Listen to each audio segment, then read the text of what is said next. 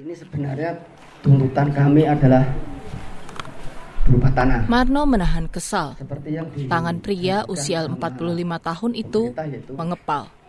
Bundelan kertas di genggamannya dibolak-balik. dengan rincian lahan pekarangan. Bundel ini mbak ya, ini tuh sudah ke mana-mana. Dengan STKS. Ini yang apa ini? Kalau transmigrasi Aromo tak? Ini kan simbolnya pemerintah anu transmigrasi. Di sini hak hak saya semua. Ini tanda tangan. Selain surat keputusan SK Bupati, di antara berkas yang ditumpuk, terdapat peta dan profil unit permukiman transmigrasi UPT Arongo. Kesemuanya berkaitan dengan bukti perjanjian program transmigrasi pemerintah pada 2010. Semua ada di sini nih petanya, totalnya ada Penghujung 2018, saya menemui Marno di training center UPT Arongo. Ia dan sekitar 30 anggota serikat tengah berkumpul untuk Sampai rapat. Sekarang hari ini, hari ini itulah dua belum. Arongo adalah satu dari sekitar 40-an permukiman transmigrasi yang dibangun di Indonesia pada 2010. Letaknya di Desa Laikandonga, Ranome Eto, Kabupaten Konawe Selatan, Sulawesi Tenggara. Pada tahun itu, pemerintah daerah menjanjikan 2 hektar lahan untuk setiap keluarga. Saya ingin memang bertani. Background saya orang tua saya petani. Karena di sana petani kan kalau di Jawa kan agak makmur. Dari Nganjuk, Jawa Timur, Marno pun nekat memboyong istri dan dua anaknya ke Konawe Selatan pada 2012. Dia meninggalkan pekerjaan sebagai tukang batu dengan angan-angan sukses dari hasil bertani. Jadi saya menyimpulkan pemerintah eh, Pemda Kabupaten Konsal dalam kata kutip bandel atau apa ya? Tidak Di UPT Arongo, Marno memang menjadi ketua Serikat Tani. Tapi harapan sering kali tak mulus. Siapa sangka, alih-alih mengolah tanah dan bertanam, ia justru dipusingkan dengan konflik lahan. tidak lanjut kemarin waktu kita bupati harus tidak lanjuti karena dia sudah berjanji. Janji pembagian 2 hektar lahan tak lunas ditepati. Bertahun tinggal di Arongo, pemerintah masih berhutang 1 hektar pada Marno. Sial lagi, lahan yang sudah di tangan belum pula bersertifikat.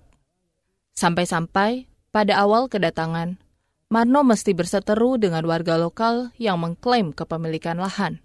Saat itu, transmigran tak kuasa membela diri. Sertifikat tanah memang belum mereka kantongi. Alhasil, banyak dari mereka takut untuk mulai bertanam. Mau tak mau, Marno terpaksa banting setir lagi. Jadi tukang Setelah batu. Sampai di sini tukang batu lagi. Tukang batu berapa sih gajinya? 100. Ya satu hari. Anak saya anak saya tiga. Hidup keluarga beranggotakan lima orang, dia topang dengan duit 100 ribu rupiah. Kepala Marno mumet, sulungnya sedang butuh tambahan duit untuk kerja praktik. Anak pertama Marno kini kuliah semester 5 di Universitas Halu Oleo, Kendari. Upah tukang batu sudah tentu tak Kalau menutup. dulu mbak ya, kalau memang cuma saya dikasih satu hektar, ya dalam perjanjian itu satu hektar, saya tidak mau datang ke Sulawesi. Benar saya. Karena saya pikir dua hektar itu cukuplah untuk anak saya, bagi anak saya. Kerepotan bertahan hidup juga dialami nyaris 1.500 transmigran di permukiman Arongo. Karenanya, demi kejelasan status lahan, Marno dan kawan-kawannya rela mondar-mandir menyambangi berbagai instansi. Berkas-berkas yang tadi ditunjukkan itu sudah mendarat mulai dari meja kepala Dinas Transmigrasi Kabupaten, Provinsi, Bupati, Gubernur, Kementerian Desa, hingga kantor staf presiden.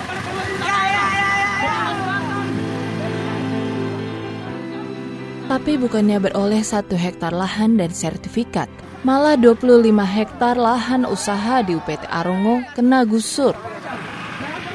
Pada 2014, ada perusahaan sawit yang mengklaim lahan transmigrasi tersebut masuk izin konsesi. Mereka mengadu ke Bupati Surunudin Dangga, pejabat Kemendes, kantor staf presiden, hingga melapor ke polisi.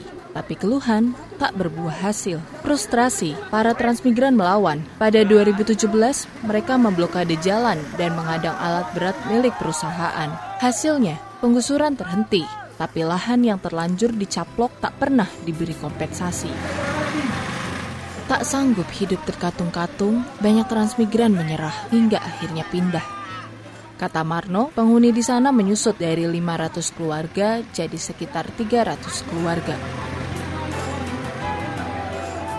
Badan Pertanahan Nasional BPN Sulawesi Tenggara berdalih tak mampu berbuat banyak. Kepala BPN Sultra, Calvin Sembiring mengklaim tengah menunggu penerbitan sertifikat hak pengelolaan lahan HPL dari pusat. Hanya dengan itulah, menurutnya, sertifikat bisa diterbitkan. Tapi, ia enggan menjelaskan soal nasib satu hektar lahan transmigran yang belum dibagikan. Ini bukan mekanisme dia dapat tanahnya itu dia beli, enggak pencadangan pencadangan oleh bupati di lokasi transmigrasi gitu. nah cuman masalahnya namanya pencadangan itu kan tanah negara apakah tanah negaranya itu ada di dalam kawasan itu atau tidak macam-macam tuh belum lagi macam-macam nanti dia cadangkan 2000 hektar petaninya eh, masyarakatnya udah datang 1000 hitungan kertas 1000 masing-masing dapat 2 hektar 2000 gitu kan. Prakteknya nggak ada 2000 Marno, juga penghuni lain di kampung-kampung transmigrasi, tak punya banyak pilihan selain bertahan sembari melawan. Jaminan hidup pemerintah sudah dihentikan bertahun-tahun lalu, sedangkan rumah, tanah, dan segala kepemilikan di daerah asal lalu des dijual untuk modal jadi transmigran.